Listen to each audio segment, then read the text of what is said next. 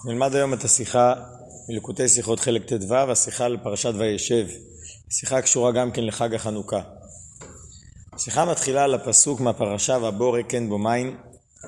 אומרת הגמרא במסכת שבת בסוגיה של חנוכה, אמר רבי כהנא, דרש רב נתן בר מניומא משמי דרבי תנחום. מאי דכתיב והבורא כן בו מים? נמאס מה שנאמר והבורק, איני יודע שאין בו מים, למה בעצם כפילות לכתוב גם הבורק וגם לכתוב שאין בו מים? למה תלמוד לומר אין בו מים? מים אין בו, אבל נחשים ועקרבים יש בו. כיוון שיש בו נחשים, וזה שהתורה כותבת אין בו מים, להגיד לא רק שהוא ריק ואין בו מים, אלא גם יש בו משהו אחר.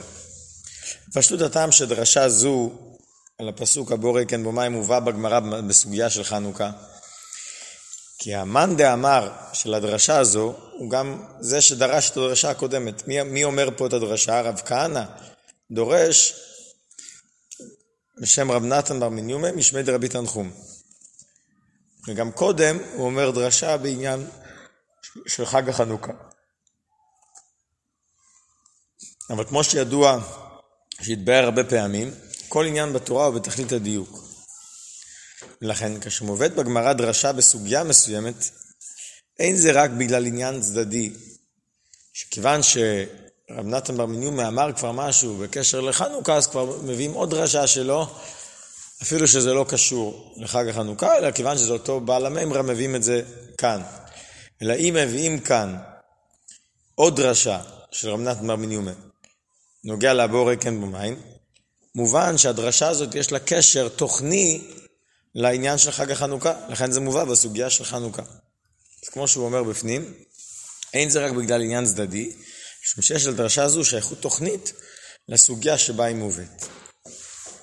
מזה מובן גם לענייננו, שיש שייכות בתוכן בין המם רענה לעניין, לעניין של חנוכה.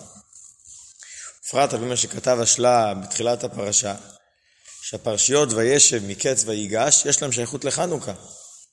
כי זה תמיד בסמיכות לחנוכה, בדרך כלל וישב זה לפני חנוכה, מקץ זה בדרך כלל השבוע של חנוכה, והרבה פעמים גם כן אה, הימים האחרונים של חנוכה זה כבר בפרשת ויגש.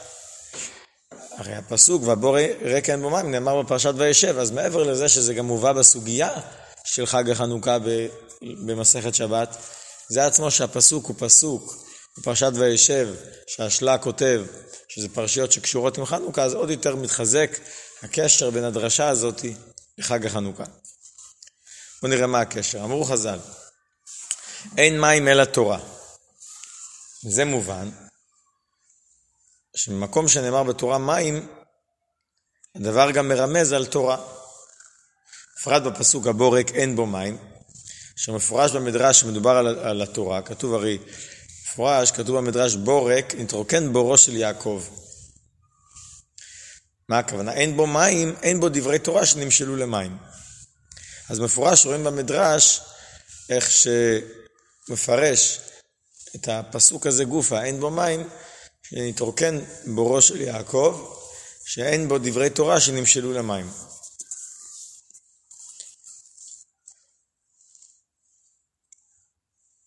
וזהו גם הפירוש הפנימי במאמר הז"ל, מים אין בו, אבל נחשים ועקרבים יש בו. בפרט כשמסתכלים במדרש, אה, רואים ששתי המדרשים קרובים אחד ליד השני. מבין? המדרש כותב מים אין בו, אבל נחשים ועקרבים יש בו, ואז הוא מביא גם כן, אין בו מים, אין בו דברי תורה שנמשלו למים. אז מזה שזה מובא ביחד במדרש, מובן שזה עוד יותר מדגיש את הקשר של מים לדברי תורה. כשאדם עומד במצב שאין בו דברי תורה, אין בו מים, ומילא נחשים ועקרבים יש בו. אין ממוצע ביניהם. זאת אומרת, אי אפשר למצוא משהו ביניים. כאשר חסר דבר עיקרי כמו מים, שזה דברי תורה, זה אוטומטי מביא גם נחשים ועקרבים. החיסרון שאין בו דברי תורה אינו רק בכך שהוא ריק מתורה, אבל יכול להישאר מלא בענייני הרשות. אלא מיד בבור שלו מתהווים בדרך ממילא נחשים ועקרבים, דברים שמהפך הקדושה וגם מנגדים לקדושה. זה גם העניין הזה שאין ממוצע, אלא ברגע שאתה מרוקן את הבור ממים, זאת אומרת אין בו דברי תורה, אוטומטי מתמלא בנחשים ועקרבים, דברים מזיקים. זה גם כן קשור לפירוש הבעל שם טוב על הפסוק וסרתם ועבדתם. אומר הבעל שם טוב, מה זה, מה זה הדיוק, מה זה הסמיכות וסרתם ועבדתם?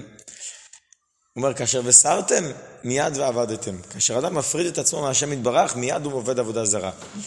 אין דבר, אין, אין ממוצע.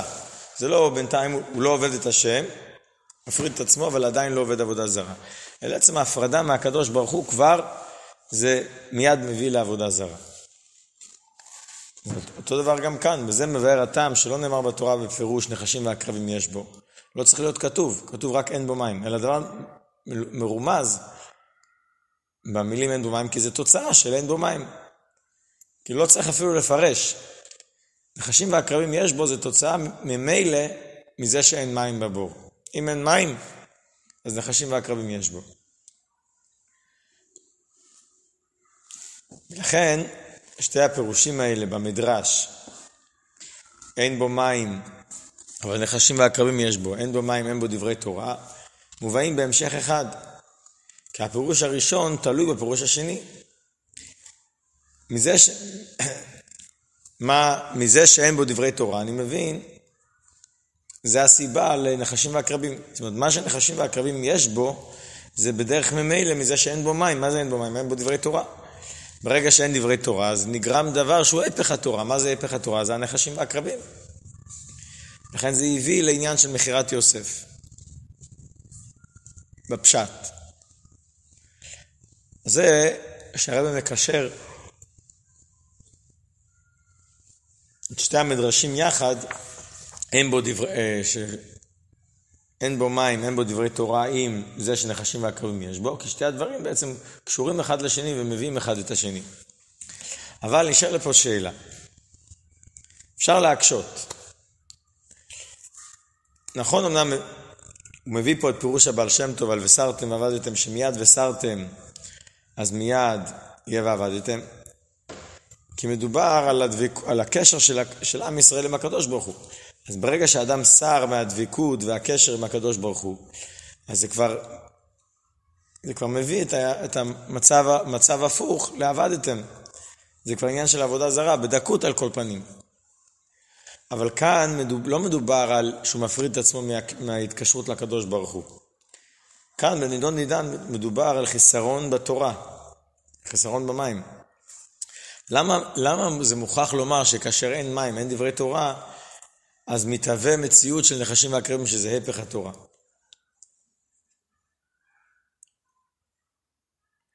זאת אומרת, בפירוש הבעל שם טוב זה יותר מובן. כי הוא, הוא מפריד את עצמו מקדושתו של הקדוש ברוך הוא, מדבקות בקדוש ברוך הוא. זה כבר עבודה זרה בדקות.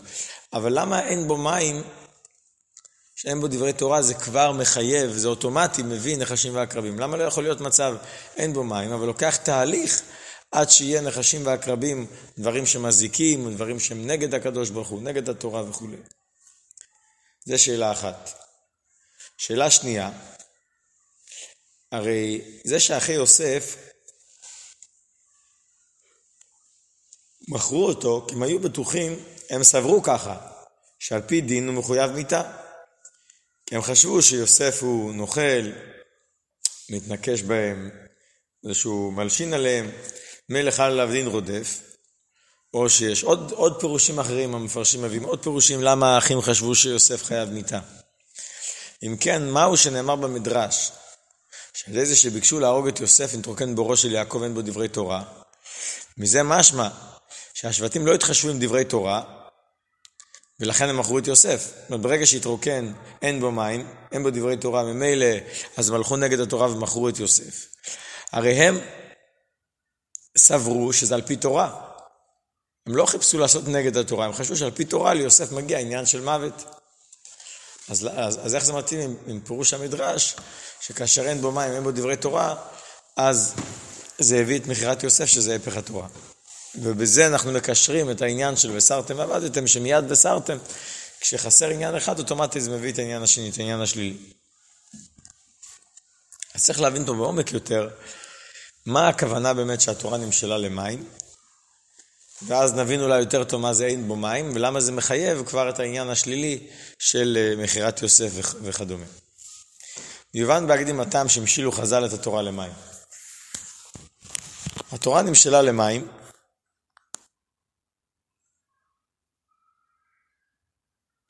אבל לא רק, אנחנו רואים במדרשים וכולי, התורה נמשלה גם כן ללחם, בפרט שהפסוק אומר לכו לחמו בלחמי, תורה היא לחם של הקדוש ברוך הוא. יין, תורה נמשלה ליין, שמן, רזין דרזין. אז כל אחד מהם מתאר גדר ותכונה אחרת בתורה. לחם שמזין את האדם, יין, נכנס יין יצא סוד, השמן שהוא מפעפע בכל דבר. אבל לגבי עניין מים, זה שהתורה נמשלה למים, אז חז"ל אומרים, מה הקשר בין מים לתורה? למה נמשלו התורה למים?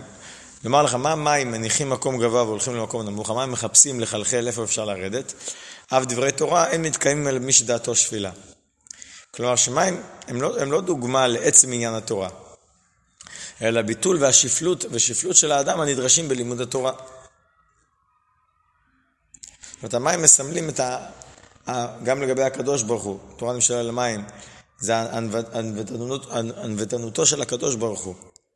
שהוא יורד ממקום גבוה למקום נמוך, וזה שהתורה ירדה ונסעה והתלבשה בכ"ד ספרי התורה, זה ביחס לקדוש ברוך הוא, וגם ביחס לאדם, זה מרמז על הביטול והשפלות שנדרש בלימוד התורה. לכן נמשלה התורה למים, כמו מים מסמל על ביטול ושפלות.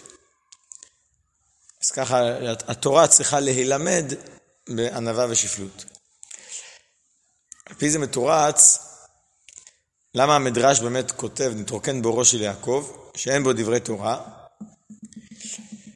בזה שכתוב אין בו מים. הרי יש הרבה, הרבה משלים לתורה. למה פה, שרוצים להגיד שנתרוקן בורו של יעקב, שאין בו דברי תורה, מרמזים את זה לפי פשט המדרש עם עניין של מים.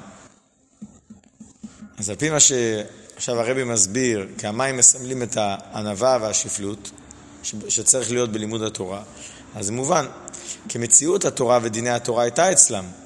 זה לא הכוונה שלא היה להם דברי תורה, הם שכחו את כל התורה שהם למדו, לא. אלא היה חסר להם את התכונה של המים. נהדר עניין המים שבתורה. הבור ריק אין בו מים. מה זה המים? הביטול שנדרש מהם בערך גודל מעלתם.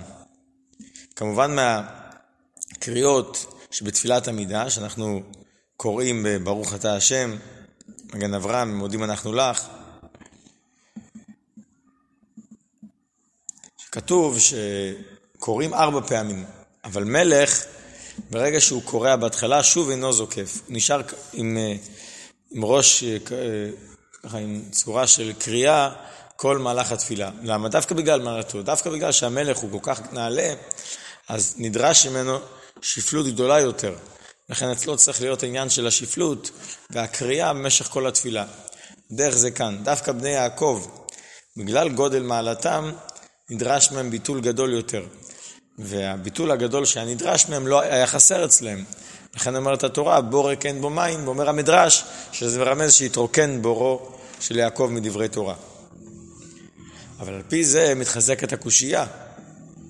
איך ייתכן שכאשר רק אין בו מים, בדרך ממילא נשים ועקרבים יש בו? הרי אם אתה מסביר שבכלל אין, אין דברי תורה בכלל, אני עוד יכול להבין. אבל לפי מה שאנחנו רוצים עכשיו להסביר, שהמים מסמל על תכונת הביטול. ואז ממילא להגיד שאצל בני יעקב לא היה חסר עניין התורה, היה חסר הביטול שבתורה. אז עוד יותר מתעוררת השאלה איך יכול להיות שרק, שחסר רק תכונה מסוימת או אופן מסוים בלימוד, זה כבר מביא לנחשים ועקרבים. מילא אתה אומר חסר בכלל בתורה, אני מבין, אבל חסר רק בשפלות שבתורה, צורת הלימוד שבתורה. למה זה מביא מיד עניין, עניין של נחשים ועקרבים? יש בו עניינים שליליים, ובפרט דברים של, בפרט כמו שהמדרש רוצה להגיד, לגרום להם לעשות דברים שהם הפך התורה. מלשון של הרבי, וכי משום, משום כך בלבד שהלימוד נעדר ביטול ושפלות, תתהווה מציאותם של נחשים ועקרבים דבר המנגד לעניין התורה? חוסר הביטול והשפלות כבר צריך להביא לעניין של ניגוד לתורה? סימן שיש פה הבנה עמוקה יותר שאנחנו צריכים להבין.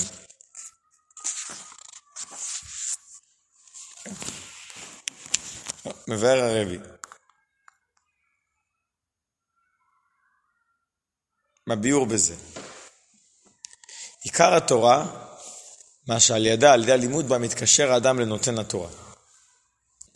הדבר העיקרי בתורה הוא ההתקשרות לנותן התורה. לכן על ידי ביטול והשפלות הוא תנאי עיקרי, כל זמן שאדם הוא מציאות בפני עצמו, הוא עדיין מוגדר בהגבלות של נברא. לכן אינו מסוגל להתקשר לנותן התורה שהוא בלי גבול. דווקא על ידי זה שהוא לומד, הלומד עומד בתנועה של ביטול בתכלית, וכך הוא יוצא מהגדרים וההגבלות שלו, יש ביכולתו להתקשר לה בלי גבול של נותן התורה. זאת אומרת, כל עוד שאדם מרגיש את המציאות שלו, זה מפריע לו להתבטל. לכן אומרת לנו, לכן אנחנו אומרים בתפילה, נפשי כעפר לכל תהיה, פתח ליבי בתורתך. יש קשר בין הדברים. אם אתה רוצה שלימוד התורה, פתח ליבי בתורתך, יהיה כמו שצריך, יהיה ברגש וחיות, בהבנה והשגה כמו שצריך, פתח ליבי בתורתך.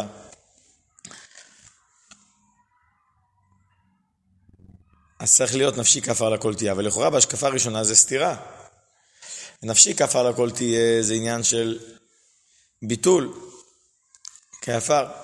אבל מה, אבל התורה הרי דורשת שהלימוד יהיה בהבנה והשגה, ברגש וחיות, כמו שעכשיו אמרנו, זה לכאורה בדיוק להפך. הרגש והחיות וההבנה והשגה מדגיש את המציאות של האדם. נפשי כעפר לכל תהיה, מדגיש את הביטול, שאדם הוא לא מציאות. אז איך אפשר להיות, איך, אפשר, איך, איך יכול להיות שעניין הביטול, נפשי כעפר לכל תהיה, זה יהווה הקדמה ללימוד התורה, שדורש בעצם מציאות, והבנה, ורגש, וחיות וכולי. אז אומר הרבי כך, אם אתה יכול להתקיים פתח ליבי בתורתך, תורה שלך, אם אתה יכול האדם להיות כלי לתורתו של הקדוש ברוך הוא, תורה היא בלתי מוגבלת, תורתך, תורה שלך, תורה של הקדוש ברוך הוא. דווקא כשיש בו תחילת הביטול מכל וכל. ביטול של כעפר לכל. מה זה עפר? כמו עפר שהכל דשים עליו. כך אדם יהיה באופן של בטלות מוחלטת. על ביטול זה הוא נעשה מוכשר לקבל תורתו של הקדוש ברוך הוא. ואזי, דיגעת, הגעת ומצאת.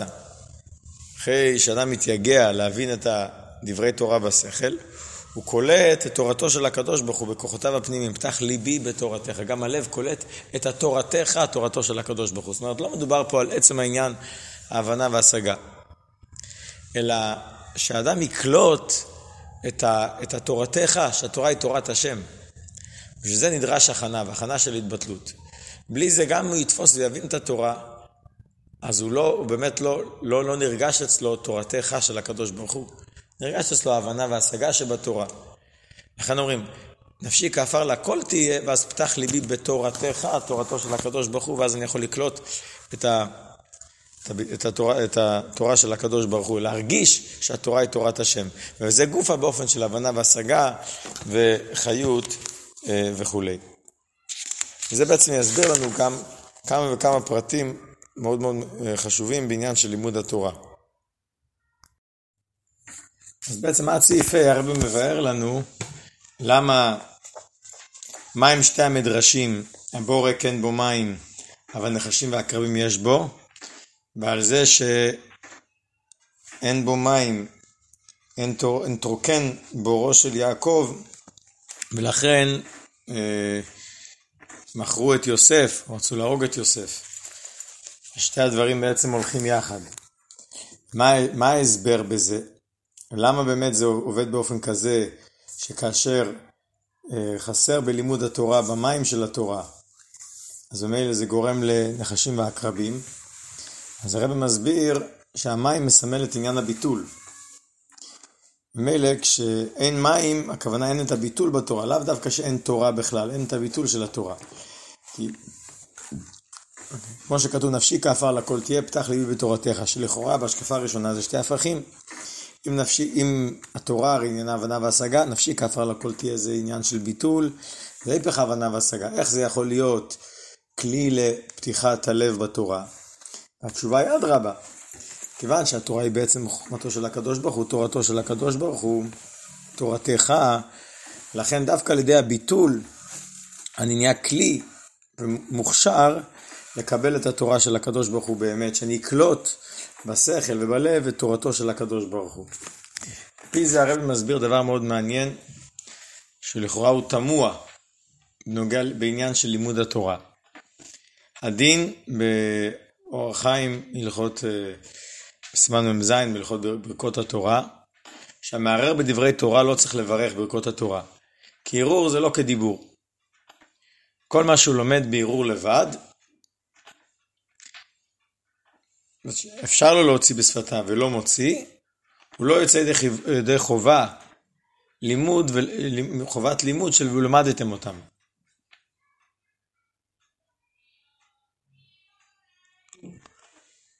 ויתרה מזו, אומר הרבי שגם ההבנה קשורה לעניין הדיבור, כי הדיבור מוסיף בהבנה של התורה. איפה רואים את זה? כתוב חיים הם למוצאיהם, אל תקרא למוצאיהם למוציאיהם בפה. שעל זה שאתה מוציא את התורה בפה, בדיבור, זה מוסיף ב... בתפיסה של התורה, בזיכרון של התורה. לכן גם אומר אם ארוחה בקול משתמרת, אם ארוחה כל רמ"ח איברים משתמרת, אם לאו אינה משתמרת. ארוחה בקול זה כולל גם אה, בפה, בדיבור, שמדברים על ה... מדברים את הדברי תורה. שואל הרבי לכאורה, כשאדם מדבר דברי תורה, והוא לא מבין מה שמוציא בפיו, אז נפסק בשולחן ערוך שזה לא נחשב לימוד בהלכות תלמוד תורה. כי העניין של הלימוד הוא הבנה והשגה. אם אדם לא מבין את החומר הנלמד, אז הוא לא מקיים מצוות תלמוד תורה. אז אם כן, רואים כמה החשיבות של ההבנה, אז למה נוגע כל כך הדיבור שבתורה? ועד כדי כך שאם חסר דיבור, אז, אה, אז א', הוא לא, הוא לא חייב לברך ברכות התורה, הוא לא צריך לברך, והוא לא יוצא ידי חובת לימוד, לימוד של ולמדתם אותם, למדתם אותם זה כולל בפה, זה, לימוד תורה בפה, וגם התורה לא משתמרת, כי כתוב עם ארוחה בקול היא משתמרת. אם הוא לא מוציא את זה בפה, חסר בשמירה של התורה, בזיכרון של התורה. ולכאורה, למה זה, למה זה מעכב את עניין ההבנה של התורה? ההבנה לא חסר אם הוא לא מוציא את זה בפה. אז לכאורה היה צריך לקיים מצוות תלמוד תורה בהבנה. וגם למה הדיבור מפריע לשימור של התורה, לשמור ולקלוט את ההבנה של התורה. הסביר הרבי כך, העיקר שבתורה הוא הקשר שנעשה על ידי התורה אל נותן התורה. ולכן, גם לימוד התורה מוכרח להיות באופן שההבנה וההשגה בעניין הנלמד הוא לא כפי שהוא מצד גדר השכל של הנברא, אלא כפי שהוא מצד הקדוש ברוך הוא, תורתו של הקדוש ברוך הוא. כי זה תורת השם. אז צריך להיות נרגש בתורה, הוא לומד בעצם את תורתו של הקדוש ברוך הוא. זה לא, זה לא העניין השכל שלו שתופס את התורה, אלא זו חוכמתו של הקדוש ברוך הוא שנמשכת בשכלו של האדם. ולכן זה דורש הכנה עמוקה יותר. וזה מובן שאין מספיקה תנועה של ביטול הבאה רק כהקדמה ללימוד התורה. אלא הלימוד עצמו מוכרח להיות באופן של ביטול. קודם הבנו, גם כן, נפשי כפה לכל תהיה, פתח ליבי בתורתך. שצריך ביטול כהקדמה ללימוד תורה, כדי שהלימוד תורה יהיה כמו שצריך, לשם שמיים או וכולי. על פי ההסבר שהוא מסביר כאן, זה יותר עמוק.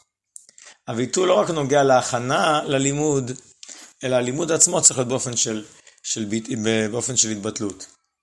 ולכן מוכרח הלימוד להיות באופן של דיבור, ומוציאם בפה. כי ככה זה בעצם, כי על ידי הדיבור אתה מבטא את עניין הביטול. למה? כי כשיהודי לומד תורה רק בכוח השכל,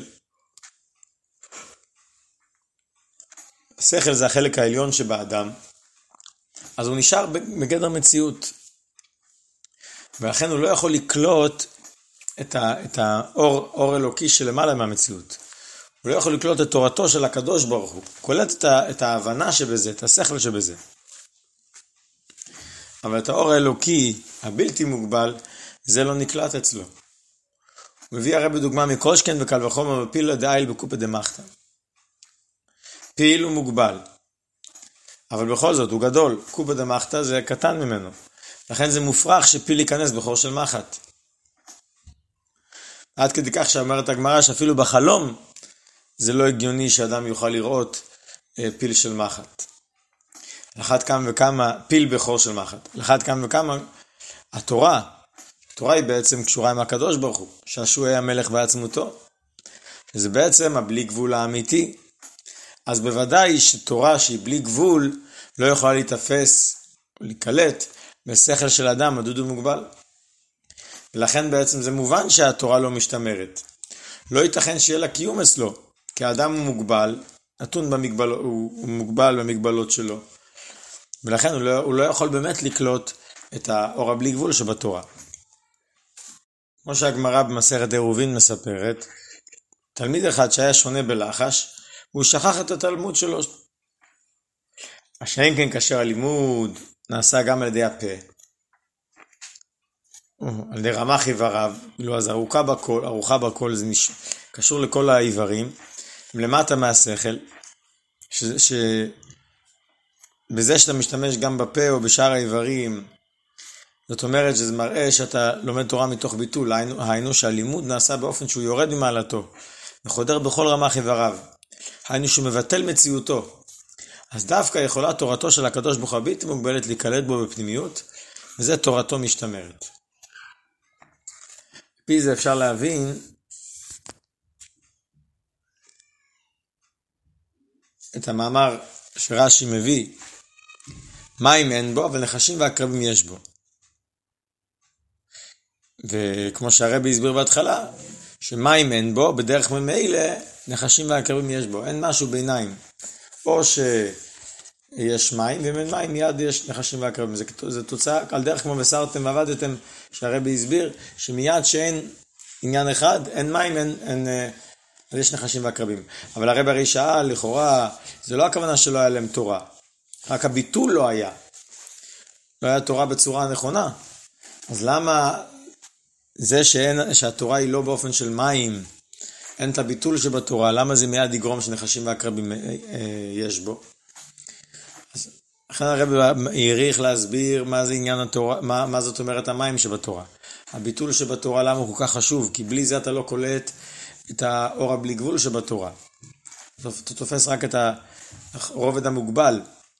אין לך את התורה כמו שהיא לאמיתתה. אז על פי זה מובן למה אם אין לך את הביטול שבתורה, אז מיד יש נחשים ועקרבים.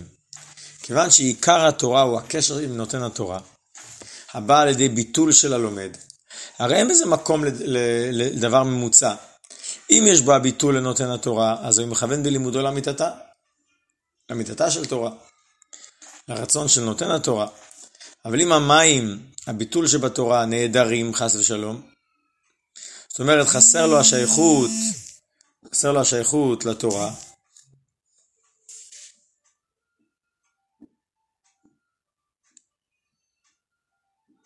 לנותן התורה. אז ממילא אין בו, אין בו את, ה, את הבלי גבול שבתורה כמו שאמרנו, זה יותר גרוע אמרנו מפיל וקובה דמחתא. אז, אז, אז בזה הוא בעצם מנג... אז הוא כאילו מתנתק מה, מהבלי גבול, מתנתק מהקדושה. ואז זה גורם שנחשים ועקרבים יש בו, כי יש בו, בדרך ממילא יש בו גם נתינת מקום לדבר שלילי, כמו שכתוב, שלא תימצא בגסי הרוח. אדם שהוא גס רוח אין אני והוא יכולים לדור, אדם שהוא בעל גאווה, או כאילו עובד עבודה זרה, כי ברגע שאתה מנתק את עצמך מהבלי גבול שבתורה, שזה עיקר התורה, אז אתה בעצם מתחבר ל, ל, לעניינים השליליים. זה לא פרט צדדי, הביטול שבתורה הוא הדרך, הוא הדרך להגיע לאור אלוקי שבתורה. אחרת לא הגעת, לא התגלה בך הפנימיות שבתורה. זה גם פירוש המדרש בנוגע לאחי יוסף. תרוקן בורו של יעקב, אין בו דברי תורה, ולכן זה גרם למכירת יוסף וכולי. אין זאת שנעדרה מהם התורה חס ושלום. עצם הלימוד. אדרבה הם למדו והם סברו על פי תורה שיוסף חייב מיתה. אבל היה חסר להם בערך גודל מעלתם את המים שבתורה, את הביטול שהנדרש מהם. ולכן הם, הם פסקו פסק דין לא מכוון, בגלל שהיה חסר להם, הם היו לומדים את התורה באופן של ביטול, באופן, אם היה להם את המים שבתורה, בור לא היה ריק, אז ממילא גם הפסק דין, לפי תורה היה באופן אחר. היה מתקבל אצלם באופן אחר.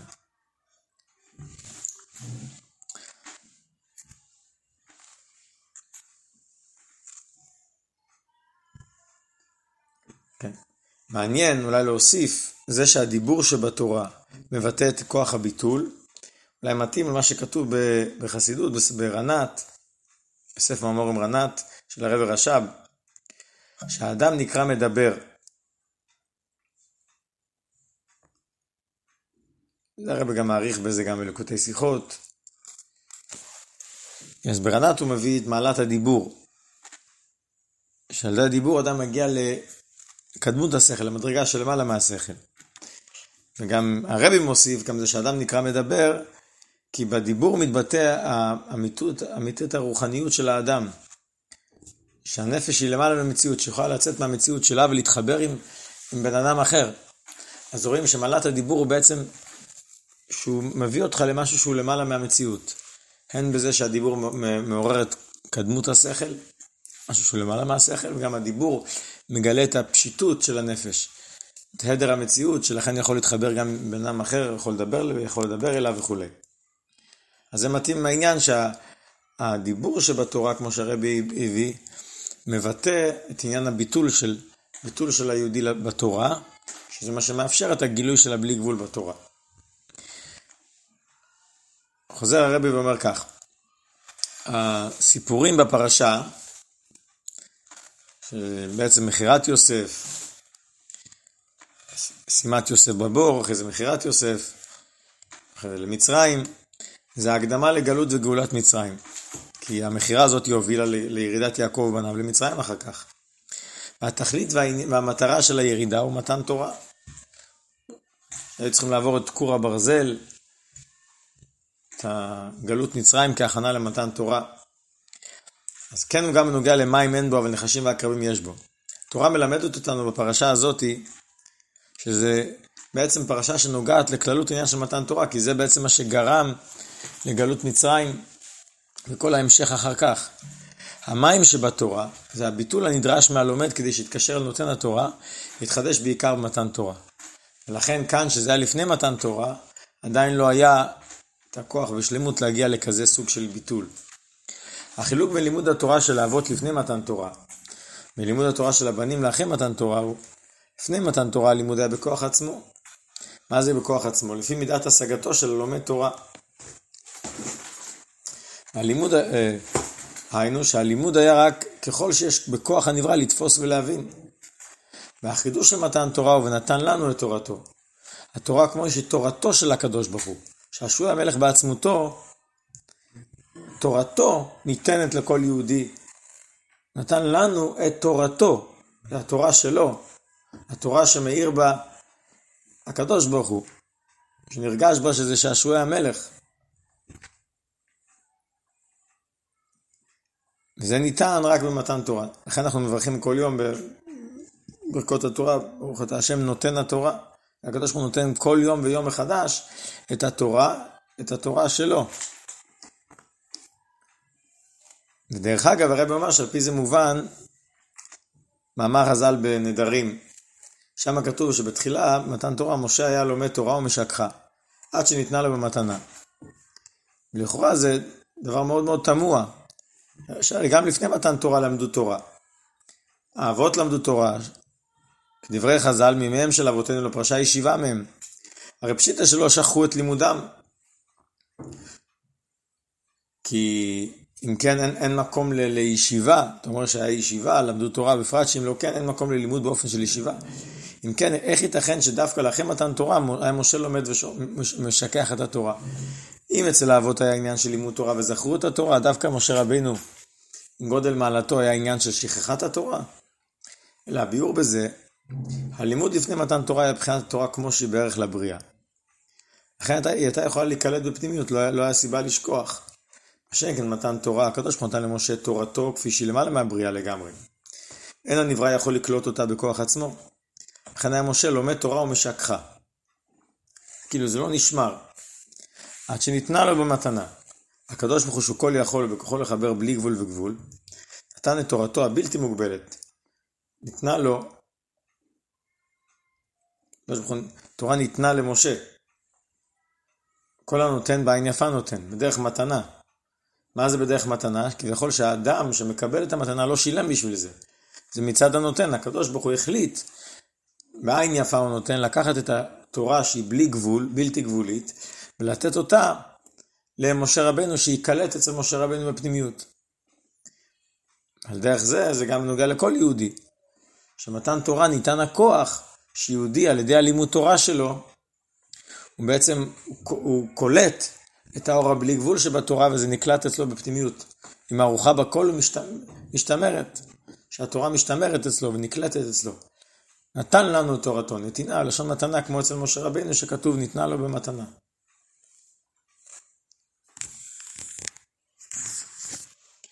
או, אבל, אבל שלא נשכח מהנקודה העיקרית. לפי זה, אם ככה אתה אומר, אז הקדוש ברוך הוא נתן במתנה, זה לא קשור בכלל אלינו. אז מה, מה כל השיחה שהרבא מסביר שצריך להיות מים שבתורה, ללמוד תורה באופן של ביטול, אז הוא אומר, זה לא סתירה. לאידך, אף על פי שבני ישראל תופסים את התורה מצד כוחו של נותן התורה, הקדוש ברוך הוא נתן את האפשרות ואת היכולת לזה מבחינת מתנה. בכל מקום, בהכרח, שיהיה גם ביטול האדם כדי שהתורה תהיה משתמרת בו. כי הכוונה היא שקבלת כל העניינים הנעלים תגיע לישראל על ידי עבודה דווקא, לא באופן של נעמא דכיסופא. לכן מוכרח האדם לעשות דבר מה מצידו, שעל ידי זה יעשה ראוי במידה מסוימת לקלוט את תורתו של הקדוש ברוך הוא. זאת אומרת, נכון אמנם שהקדוש ברוך הוא נותן את האפשרות שהתורה תיקלט, אבל אחרי הכל נדרש, גם במתנה, אולי אפשר לומר, כתוב דוד לנחת רוח, לא יאהב למתן, צריך איזה נחת רוח, איזה פעולה מצד האדם, שהוא יהיה כלי לקלוט את התורה שהקדוש ברוך הוא נותן לו במתנה. ומה הפעולה הזאת? זה הביטול. הביטול באמצעותו הוא יוצא ממציאותו ומגבלותיו, ואז הוא, הוא ראוי לקבל את המתנה הזאת של התורה, לקבל את הבלי גבול של הקדוש ברוך הוא דרך התורה. אז כל זה הסברנו עכשיו מה פירוש הבורא כן בו מים הנחשים והקרבים יש בו. כמה חשוב עניין הביטול בתורה, ללמוד תורה באופן של התבטלות, שרק זה מונע גם את העניין של נחשים ועקרבים, את העניינים השליליים. שנובעים מתוך המציאות של האדם, מצד המציאות של האדם. אבל בתחילת השיחה הרבי הסביר שהפסוק הזה והמאמר חז"ל הזה, המאמר חז"ל הזה נלמד בסוגיה בחנוכה. זה קשור לחנוכה לא רק בגלל שיש שם כמה מימרות של רב נתן, מר מניומה, אלא בגלל שזה קשור לתוכן של חנוכה. איך זה קשור לחנוכה? בואו נראה. אומר הרבי, על פי כל הנ"ל מובן גם הקשר בין מאמר רז"ל מים אין בו, עניין חנוכה. שלכן, מטעם זה, המאמר חז"ל הזה, על בור, הבורק אין בו מים, הובא דווקא בגמרא בסוגיה בחנוכה. ידוע ההסבר שמובא במאמרי חסידות של הרבי הקודם ובעוד מקומות, על דיוק הלשון, כשעמדה מלכות יוון הרשעה, מלכי ישראל להשכיחם תורתך ולהעבירם מחוקי רצונך. מהי ההדגשה להשכיחם תורתך, עבירה מחוקי רצונך? לכאורה היוונים ביקשו להשכיח מישראל לא, לא את עצם החוכמה והשכל, עד כמה מלימוד התורה בכלל, אלא את היות התורה תורתך תורת השם. זאת אומרת, לא היה אכפת להם כל כך כמו שמוסבר במאמרים. לכאורה היה צריך להיות להשכיחם, להשכיחם את התורה. אומר לא, להשכיחם תורתך, כי מה שהפריע להם זה התורה, מה ההרגש של היהודי, שהתורה היא תורת השם. אין להם בעיה שילמדו תורה כחוכמה, כפילוסופיה. אבל ברגע שהתורה נהפכת להיות תורת השם, נרגש אצל היהודי הבלי גבול שבתורה, את זה הם לא יכלו לסבול, את זה הם רצו לעקור. לכן טימאו כל השמנים שבהיכל. הם לא איבדו את השמנים, הם טימאו. שמן זה מבחינת חוכמה. טימאו את השמנים, רצו לטמא את החוכמה, שהחוכמה לא תהיה טהורה. לא יהיה את הקדושה שבתורה, אלא תהיה, שהתורה תהיה ככל החוכמות שבעולם. היוונים הסכימו שאצל ישראל יישאר השמן, החוכמה ולימוד התורה, אבל רצו שיהיה איזה שמן טמא, חס ושלום. שלא יהיה קשור לקדושת התורה, לנותן התורה, תורתך. וזה גם אחד הטעמים לכך שעשה הקדוש ברוך הוא גם את הנס, מצאו פח שמן טהור.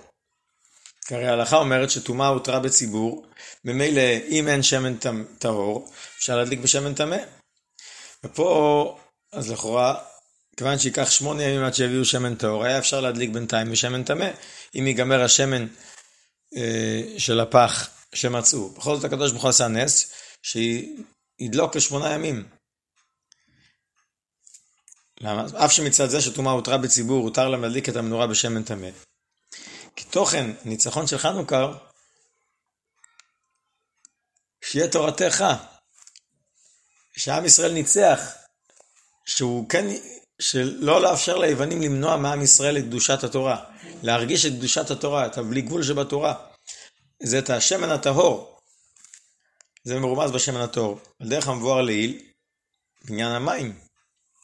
שדווקא על ידי עניין המים שבתורה, ביטול לנותן התורה, נשמר האדם ונחשים ועקרבים יש בו. אז גם כאן, על ידי הטהרה, הם מתגברים על היוונים שרצו לעקור את הקדושה מעם ישראל. דרך זה בעניין חנוכה, דווקא על ידי הדלקת נרות חנוכה, שמן טהור. זה פועל קלי ריגלד תרמודאי, תרמוד אותיות מורדת. כל זמן שיש חיסרון מעניין השמן הטהור, זה בעצם התורתך, ההרגשה שהתורה היא תורת השם, עדיין יש מקום למרידה, מורדת. כמו שאמרנו, וסרתם ועבדתם, יש עניין של וסרתם, מיד מביא ועבדתם. על ידי הדלקת נרות חנוכה על פתח ביתו מבחוץ, עד שהיא מאירה את החוץ, אז זה קל לריגלי תרמודאי, גם, גם תרמודאי, שהן אותיות מורדת, אלה שהן uh, בשוק, אז אתה מסלק אותה מהשוק, תכלית השלימות. השדבר מכלה לגמרי את עניין המורדת, עד שמאיר, עד שכתוצאה מהאור של חנוכה, אז אתה מסלק את המורדת, ואתה הופך את השוק אולי למקום של קדושה, שמאיר את חשכת הגלות, ומביא בפועל את הגאולה האמיתית והשלמה בקרוב ממש.